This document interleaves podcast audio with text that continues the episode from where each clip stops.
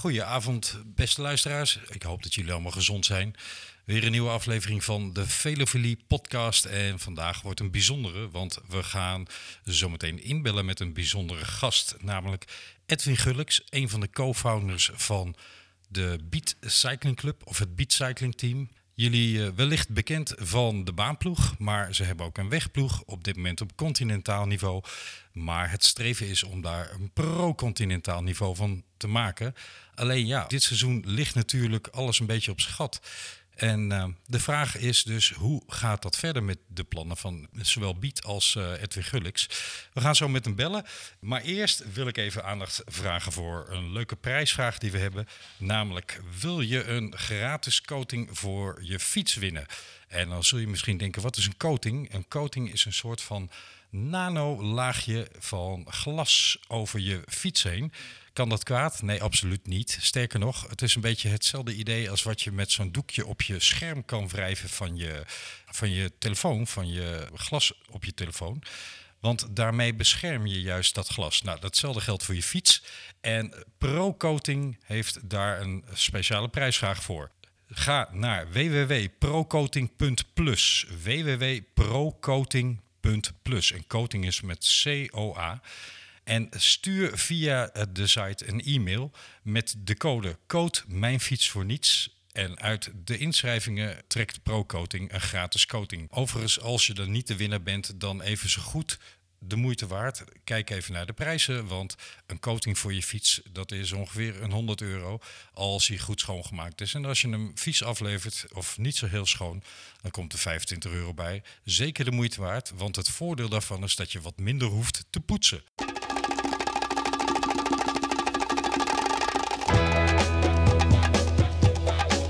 De Velofilie Podcast.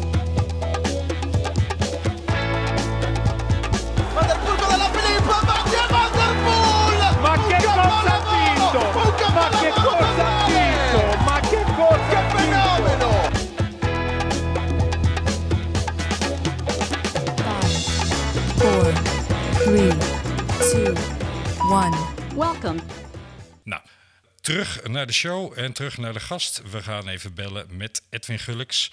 En ik ben benieuwd wat zijn verhaal is over de toekomst van eh ja, Beat Cycling. Wat is daar nu allemaal gaande op het ogenblik? En hoe houden ze het hoofd staande? Goedenavond. Goedenavond. Edwin Gullix. Welkom in de uitzending. Ja, welkom. Leuk dat je te gast wil zijn, allereerst. Dank daarvoor. Ja, nee, graag gedaan. En, Ik eh, vind het ook leuk. Ja, we hebben elkaar een, eh, een, een aantal weken geleden via Twitter eh, ontmoet, om het maar zo te zeggen, virtueel ontmoet. Maar dat past wel binnen deze tijden natuurlijk. En ehm, daar viel mij meteen bij op eh, dat je een heel enthousiaste reactie op een berichtje stuurde. Maar daarna viel me op, wacht even, Edwin Gullix, dat is die medeoprichter van de Beat Cycling Club. En daar werd het interessant, want wij van Velevelie volgen Beat vrij nauwgezet. Don Kaspers, eh, mijn mede-co-host, die er nu even niet bij is, die, eh, die fietst veel met eh, een aantal mensen van Beat en kent de club dus ook een beetje.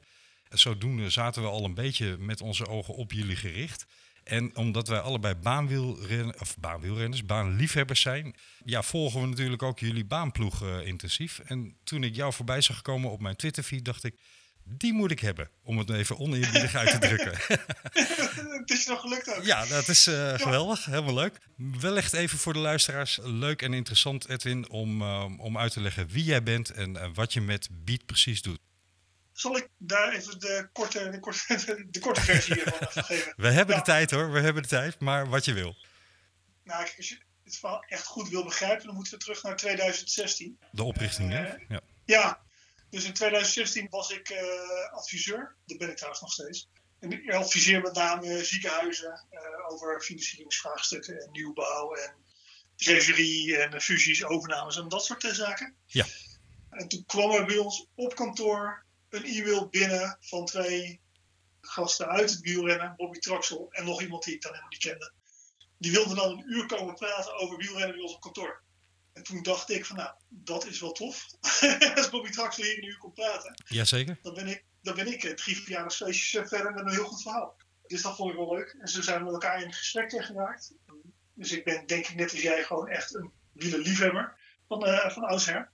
Dus ik vond dat super leuk om gewoon met iemand om tafel te zitten en over het wielrennen te hebben. En ik had er eigenlijk helemaal nog niet zo'n heel erg beeld bij, anders dan dat ik gewoon naar de koersen keek en dat heel erg leuk vond. Maar ook pratend kwamen we erachter hoe, over het wielrennen, hoe zit het wielrennen nou in elkaar en hoe functioneert dat. En ik ben zelf dus een financieel econoom van, eh, van huis uit. En dat vond ik wel heel interessant. En hoe dat wielrenwereldje nou in elkaar zit. En hoe dat nou functioneert. Hoe en hoe het op onderdelen dus niet functioneert. Ja, precies. Ja. Uh, Want ik neem aan dat de e-mail min of meer daarop gericht was, hè? Op dat niet functioneren. Ja, dus dat. Dus Bobby was daar samengekomen met Geert eh, Broekhuizen. En die hadden samen gezeten bij uh, team Pegasus. Ik weet niet of je dat nog voor de geest staat, maar dat zou de eerste Australische profploeg uh, worden. Ja. Dus die zaten in Australië. En op het moment supreme, zo tegen het eind van het jaar, zo rond december, kwam het bericht dan dat de sponsor niet doorging.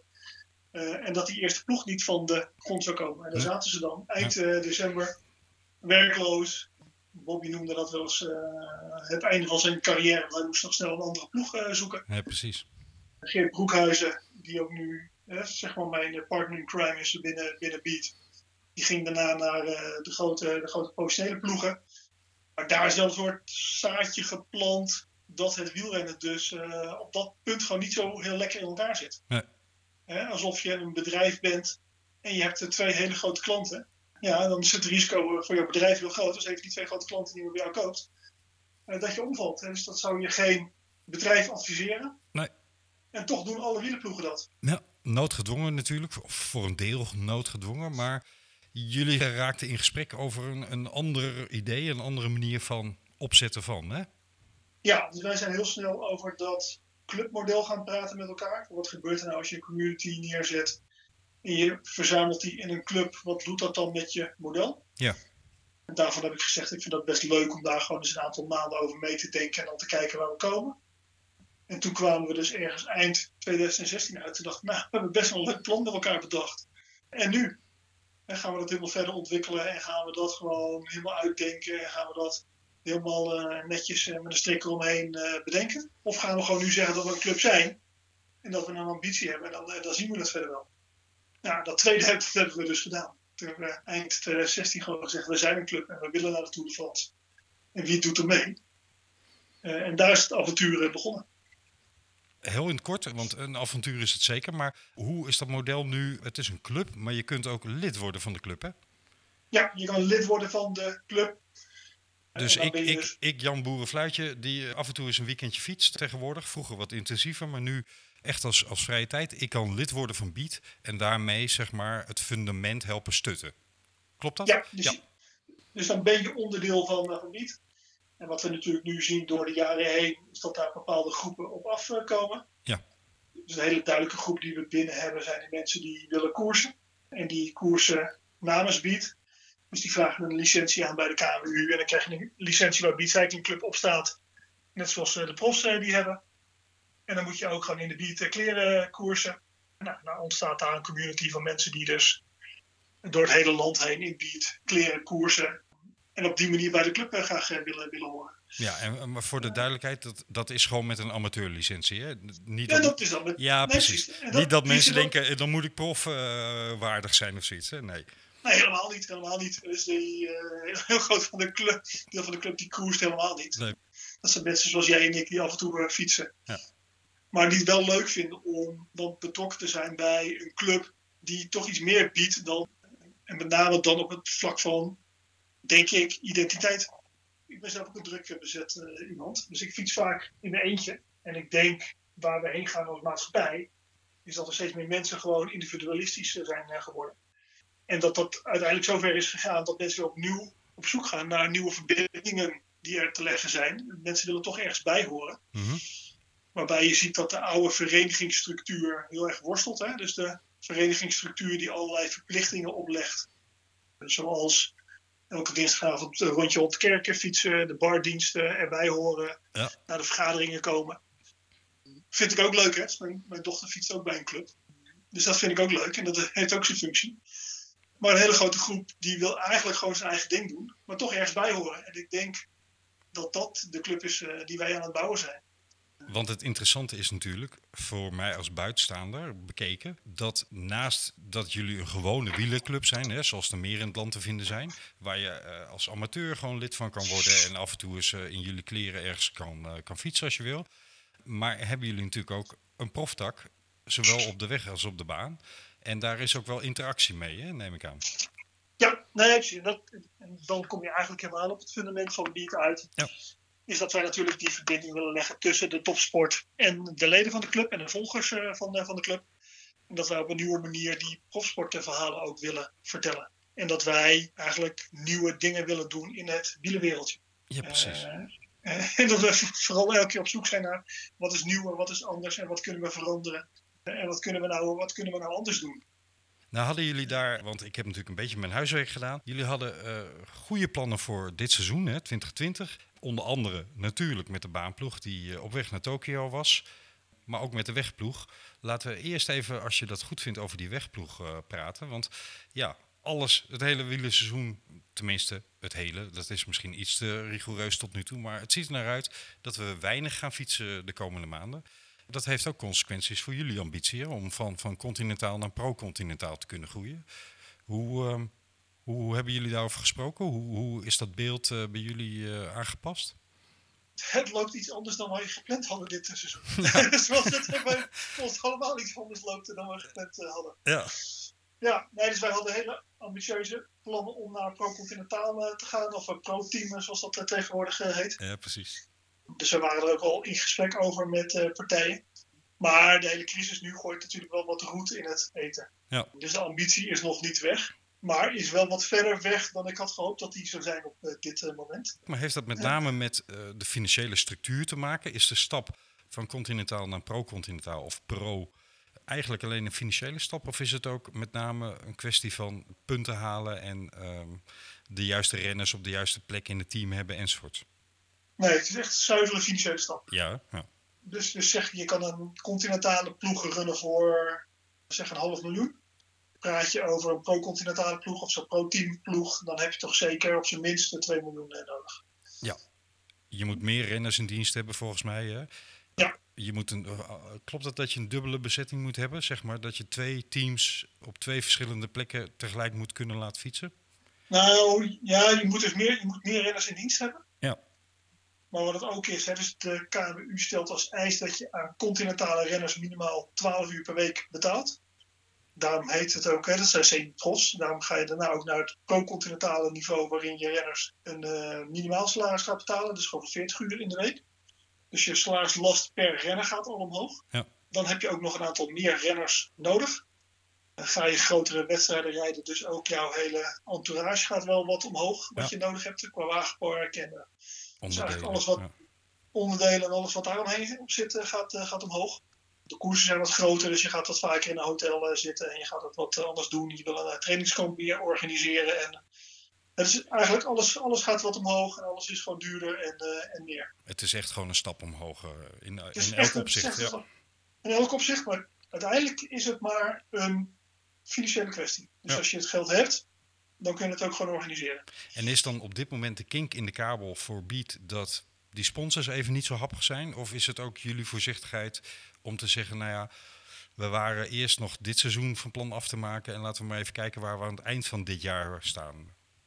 Kijk, als, de, als je kijkt naar het model wat wij nastreven, dus eh, zeg eh, de grote wielenploegen die één of twee grote hoofdsponsoren zoeken en daar het hele systeem omheen bouwen, zeggen wij, nee, we hebben een community en met dat community willen we een iets ander model neerzetten waarin we praten over de memberships van de club, maar ook eh, de shoppen eh, van de club die we daar omheen organiseren en waar we wat geld mee eh, verdienen om in het profiel in, te stoppen en in, in, in, in de club zelf. Ja. Dus dat is een model dat anders is, dat er goed draait.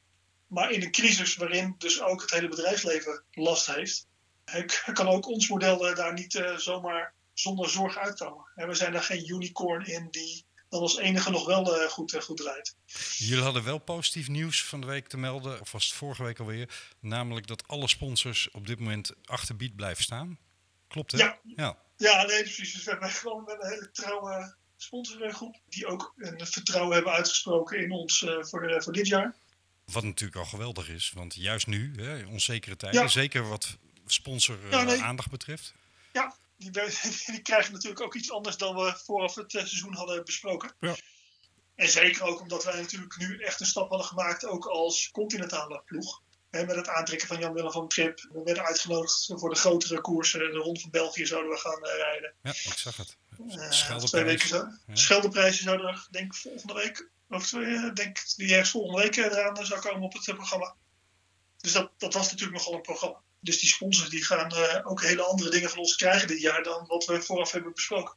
Dan zie ik wel dat jullie creatief zijn in, in zeg maar social media beleid en in eh, sowieso het media beleid. Ook daarin zie ik wat, wat tegenwoordig zijn wielerploegen sowieso wel iets meer met social media bezig. De een meer dan de ander. Maar ik zie jullie daar ook wel aardig in voorop lopen wat dat betreft. Dat is natuurlijk wel onderdeel van ons, ons model. Hè? Dus als je zegt dat je er bent voor de community, moet Ja. je wel een team op kantoor hebben staan die dat eigenlijk voorop eh, zet. En wat je nu ziet is dat wij in verhoogd tempo ook intern de bakens aan het eh, verzetten zijn. Eh, Als het dan niet gaat over de koersen, waar gaat het dan wel over? Dus het hele team zit nu thuis te werken, ieder op zijn eigen plek. En elke dag half team, dan is de videocall met het hele team. En dan gaan we de dag bespreken en wat we kunnen doen. In plaats van het hebben over de koers. En dat is heel gek, hè? Want de koers valt weg. En dat is heel vreemd. En dat is echt enorm zoeken. En maar gek genoeg levert dat aan de andere kant ook wel enorm veel energie op. En je ziet hoe we in verhoogd tempo met allerlei dingen bezig zijn. Waar we eigenlijk normaal gesproken wel over hadden, maar nooit aan toe kwamen. Want de koers eh, slurpt ook zoveel energie en tijd en aandacht op. Zie je wel dat er door het wegvallen van de koers heel veel tijd en energie nu opeens vrijkomt. Die weer naar andere dingen aan te steken zijn. En kun, je- kun je daar iets van benoemen, van die andere dingen? We doen dus standaard dingen die eigenlijk de andere ploegen ook doen. Hè? Dus de, de Swift Rides en, eh, Ja, precies. en koersen. eh, maar we, hebben ook, eh, we zijn nu met de, de renners ook bezig. Om de renners eh, een ander verhaal te laten vertellen dan wat ze tot nu toe hebben verteld. Dus daar gaan nieuwe dingen aan eh, aankomen. Herman uit ons team die heeft het eh, bellen met eh, gedaan. Dus eh, gewoon met de renners bellen. Eh, En dat is het concept dat we de komende tijd wat verder willen gaan eh, doorontwikkelen. Dagelijks volgens mij. Ik heb er een aantal eh, gevolgd. Ja, dus we hebben nu de eerste tijd wat intensiever gedaan. Morgen komt er nog eentje met Roy van den Berg. En we hadden het er vanochtend over om dat wat verder door te ontwikkelen nog naar een wat meer algemeen concept waarin we gewoon het hebben met de renners over waar we mee bezig zijn. Ja. Wat je bezighoudt. En Het geeft natuurlijk ook de kans om een klein beetje meer kennis van hè, de renner, of de mens achter de renner. Klinkt een beetje raar, maar normaal gesproken blijft dat een beetje uit beeld als je het wielrennen volgt. Maar dit geeft natuurlijk ook gelegenheid om echt een klein beetje een inkijkje bij iemand thuis en ook in iemands persoonlijkheid te krijgen. En dat is, dat is ook weer sponsor exposure natuurlijk op een goede manier. Ja, nee, ook, daar zijn we mee bezig. Ja. Eh, dus er zijn allerlei eh, mogelijkheden om de, de partners van de club wel op een andere manier de aandacht te geven die ze, die ze verdienen. Dus dat staat hoog op ons, op ons lijstje ook. Maar uiteindelijk zijn we, eh, uiteindelijk zijn we een club met een, met een community erin. Het, moet, het moet wel authentiek blijven en het moet wel gaan, blijven gaan over de community.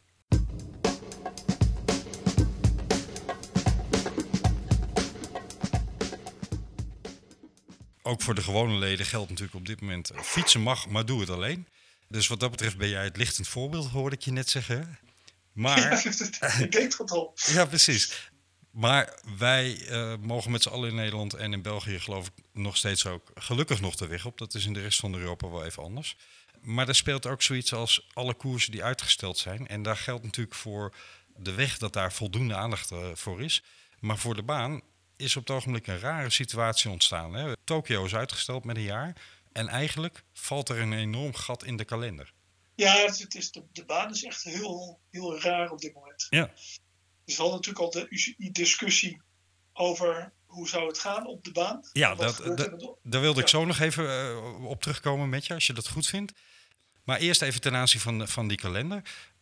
Als ik het goed heb, is het WK het eerstvolgende internationale evenement op de baan. En dan zitten we bijna een jaar verder, zoiets. Nou, er zit, er zit nog een EK tussen. Dus we hebben nog dat EK in Bulgarije dat later dit jaar Oh ja, eh, ja. plaats moet gaan vinden.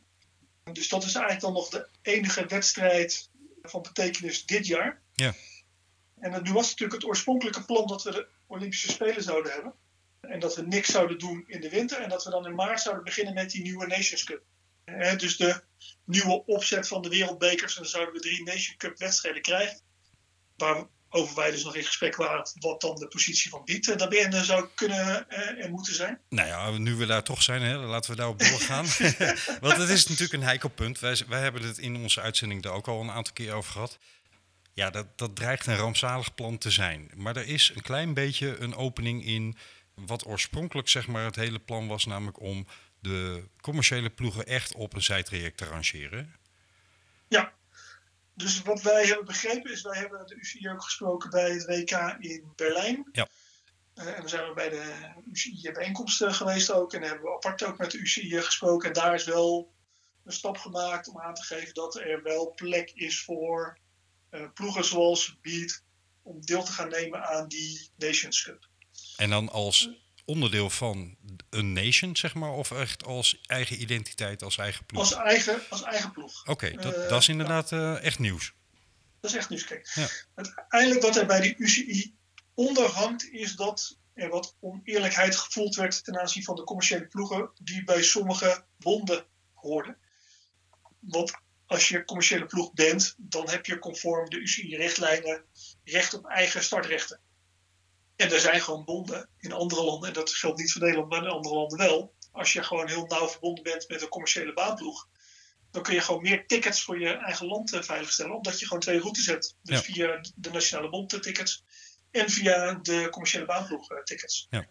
Dat is een, van, is een van de redenen, is niet het hele verhaal, maar is wel een van de redenen waarom ze eigenlijk af wilden van die commerciële baanploegen. En dan had je nog een aantal vreemde ene in de bijt, zoals de Beat Cycling Club, maar je had ook uh, Ruud Wadwijk in, in, in Engeland. Ja, precies. Die daar helemaal niks mee te maken hadden en die gewoon echt helemaal buiten de Nationale Bond om, omge, opgezet zijn. Ja.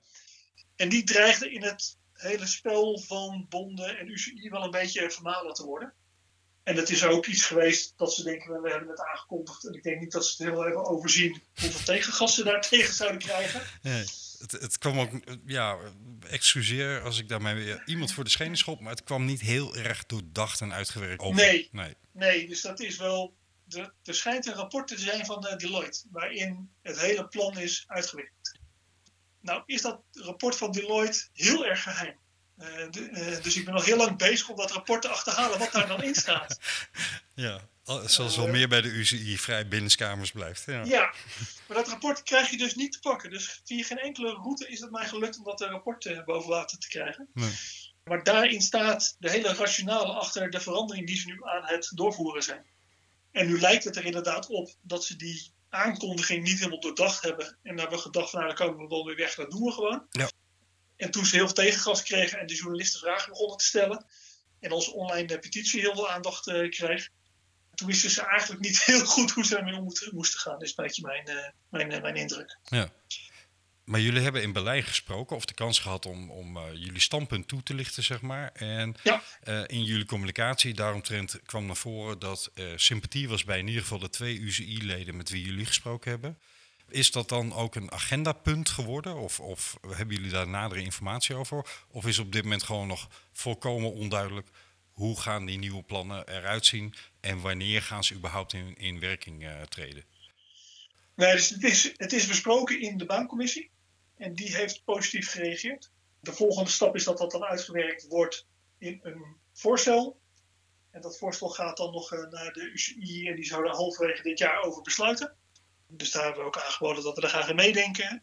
En als de bedoeling is dat er een onderscheid komt tussen het ene commerciële baanteam dat onafhankelijk is en het andere commerciële baanteam wat misschien aan een bond verbonden is, dan heb ik daar wel wat ideeën over hoe je dat zou kunnen doen, ook in je licentieaanvraag. Ja. Dus daar, heb, daar wil ik ook graag over meedenken met de UCI, hoe je dat zou kunnen vormgeven. Dus, dus dat traject liep en wij hebben denk ik één of twee weken geleden een mail gehad van de UCI dat door de hele coronatoestand dat deel nu weer wat naar achter geschoven wordt, omdat ze daar gewoon niet aan toe kan. Wat het verhaal dus niet makkelijker maakt, omdat er nu helemaal onzekerheid is wat er gaat gebeuren op de baan en of die Nations Cup dan gaat beginnen en hoe die er dan uitziet. Ja. Wat zeker voor Nederland natuurlijk wel een heel belangrijk onderwerp is. Ja. Omdat, omdat wij juist zoveel goede baanrenners hebben. En als het alleen blijft bij één Nations team vanuit Nederland, er gewoon wereldtoppers uh, moeten vrezen voor een plekje in dat, uh, in dat team. Absoluut. Nou waren we natuurlijk al redelijk ver in de kwalificaties in Nederland. Maar zou er ook nog een, uh, een bike-off volgens mij in juni plaatsvinden? ten aanzien van bijvoorbeeld het sprintteam. Ja. Ook dat ligt natuurlijk op dit moment allemaal even, even plat, neem ik aan. Ja. Ehm, en ik kan me voorstellen dat die agenda, of de, de letterlijke koersagenda voor de baan van de UCI, ja, daar ook best wel een grote rol in gaat spelen. Van hoe, hoe loopt die aanloop naar Tokio 2021 nu eigenlijk in feite? Dus ik kan me ook voorstellen dat het voor iedereen van belang is dat er ook niet te lang gewacht wordt in dit soort besluitvorming. Nee, dus dat is die kwalificatie. Waarvan natuurlijk is gezegd dat de sporters die zich gekwalificeerd hadden, Blijf staan. gekwalificeerd Ja. blijven, blijven staan. Ja. Dus ik, is mij nog niet helemaal helder hoe dat al geldt voor het baanwielrennen. Want in het baanwielrennen kwalificeer je je eigenlijk niet als sporter, maar Nou, kwalificeer je eigen als land. ja, precies. En of dat dan ook betekent, ik denk het haast wel, dat die landen die gekwalificeerd zijn, en dat gaat eigenlijk rond de lijst van 3 maart, die dus net na het wereldkampioenschap is gepubliceerd. Dat zou dan de lijst zijn waarin bepaald wordt welk land de startrechten krijgen. En dan gaat het in Nederland dus alleen nog over welke sporters gaan er dan namens Nederland, dat al gekwalificeerd is, naar de Olympische Spelen toe. Ja, dat is in Nederland in ieder geval op zich nog een, een helder eh, eh, proces. Maar het is natuurlijk van belang als baanwielrenner dat je in de aanloop naar die Spelen ook een aantal wedstrijden afwerkt. Dat was natuurlijk afgelopen, wanneer was het, februari, het WK in Berlijn. Als, als meetpunt, als eikpunt. Dat is nu natuurlijk aan het verschuiven, omdat we naar volgend jaar gaan met die Olympische Spelen. Dus ik kan me voorstellen dat eh, jullie baanwielrenners wellicht wel behoefte hebben of, of zin hebben in eh, sowieso dat EK, maar ook wel een aantal andere wedstrijden nog. Om sowieso in vorm te zijn natuurlijk, hè, naast de trainingen. En ook om gewoon te kijken van, nou ja, wat is de concurrentie aan het doen? Ja, nee, maar dat is, dus ik- we hebben deze week toch uitgebreid gesproken met het, eh, met het eh, baanteam. En wat het gewoon lastig maakt, is dat eigenlijk gewoon niemand weet waar die aan toe is op dit moment. Nee. En hoe je nou moet gaan trainen en waar je naartoe moet gaan, gaan trainen. Je kan natuurlijk überhaupt niet op een baan eh, trainen op dit moment. Dus Nee. dat is al improviseren. Ja. Dus eh, je ziet de renners hebben allemaal eigen gyms eh, geïnstalleerd eh, thuis.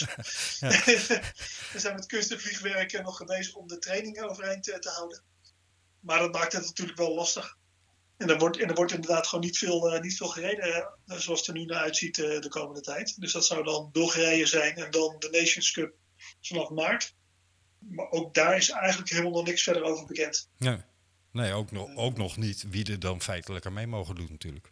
Nee, Nee. Ook, ook dat niet. En hoe die structuur er dan uit gaat zien eh, is ook nog niet bekend. Eigenlijk heb je als baanwielrenner op het ogenblik dubbel last van eh, de hele situatie. Want naast corona, wat natuurlijk een beperking voor alle wielrenners is, maar als baanwielrenner heb je ook nog eens te maken met de UCI. Die dacht, goh, laten we die boel eens op zijn eh, kantje gooien en eh, even schudden en kijken wat we dan eh, overeind hebben staan. Dus dat, dat zijn spannende tijden. Ons idee, Ja. Edwin, ehm, was een, een, via de, de, de Twitter-berichten die we elkaar stuurden van... Goh, zou het nou leuk zijn om met onze podcast jullie team... en zeker ook de jongens van de baan eens te gaan volgen in de aanloop naar Tokio? Ja, Ook dat is natuurlijk nu even een, eh, een wat langer idee geworden. het is een lange termijn eh, project geworden. Desalniettemin lijkt het ons geweldig interessant om dat inderdaad te gaan doen. Eh, om, om gewoon eh, met enige regelmaat, en of dat wekelijks is of niet, dat zal eh, nou ja, de komende weken en maanden moeten gaan uitwijzen van wanneer gaan we weer koersen en wanneer is er meer helderheid over het hoe en wat. Maar we kunnen zeker met enige regelmaat contact met jullie hebben over nou ja, wat is de stand van zaken. Hè? Hoe, hoe gaat het conditioneel, mentaal, maar zeker ook als, als team en als ploeg en als club. Hoe eh, blijven jullie allemaal staande? Ja, nee, maar dat is, eh, eh, ja, dat is spannend. Maar het is ook een heel spannend verhaal. Met heel veel verschillende plotwendingen, denk ik, de komende tijd. Ja, daarom. Ja. Dat, dat wordt sowieso interessant en leuk om te volgen. Mag ik jou voor nu, want we gaan het lekker in stukjes zakken, eh, zodat het hapbare en beluisterbare afleveringen worden, mag ik jou voor nu alvast heel hartelijk danken, Edwin. En eh, ja, dank voor deze kennismaking, want het is ook voor het eerst dat wij elkaar eh, spreken. Hè? Live, live in de uitzending. En we gaan er zeer snel even een follow-up aan geven. Yes, gaan we om, doen. om te horen nou ja, hoe, wie, wat en waar. Yes, oké, leuk. Top, tot snel. Yes, tot snel. We spreken. Hoi, hoi. Hoi, hoi. Nou, dat was Edwin Gulleks van Beat Cycling. Interessant verhaal natuurlijk over eh, ja, wat, wat speelt er nu. En eh, onzekerheid troef, dat geldt natuurlijk voor alle wielrenners. eh, zeker Voor degenen die op het voorjaar gefocust hadden. Maar dat geldt ook wel voor de baan. En wij gaan daar aandacht aan besteden de komende maanden. En we hopen daar uiteraard meer van te kunnen melden op regelmatige tijden. Wil je meedoen aan onze prijsvraag? Ga dan naar www.procoating.plus www.procoating.plus Stuur een e-mail via de site en vermeld in die e-mail de code code mijn fiets voor niets. En dan maak je kans op een gratis coating van je fiets. En wat heeft dat nou als voordeel? Dat je fiets wat makkelijker schoon te houden blijft. Want je hoeft gewoon minder te poetsen. En bovendien, hij beschermt de lak en dergelijke, die coating. Dus eh, interessant. Kijk sowieso even op de site van www.procoating.plus als je al aan eh, een extra coating voor je fiets start. Omdat je net een mooi nieuw carbonbakje hebt gekocht met zo'n mooie matte afwerking. En denkt, oeh, dat matte moet wel mat blijven en dat moet wel mooi blijven. Nou, interessant om dan zo'n coating eh, te overwegen. Dit was voor vanavond even de uitzending van deze aflevering. Maar niet voordat ik een woord van dank aan eh, de vrienden van de show wil richten. En dat zijn in dit geval echt vrienden van de show. Dankzij de vrienden van de show hebben wij nu een apparaat voor ons neus staan waarmee we dus dit soort telefoongesprekken kunnen opnemen. En die wil ik even met name en toenaam bedanken. Daan, Marielle, Jur, Anne, Don, Cynthia, Michel en Driekes, dankjewel. Jullie zijn trouwe supporters van onze podcast. En nou, mede dankzij jullie kunnen we nu dit soort telefoongesprekken doen. Er komt meer aan. Binnenkort daar weer op een update. We zijn hard aan het werk aan nieuwe content. Dus eh, stay tuned. Voor nu, alla proxima ves.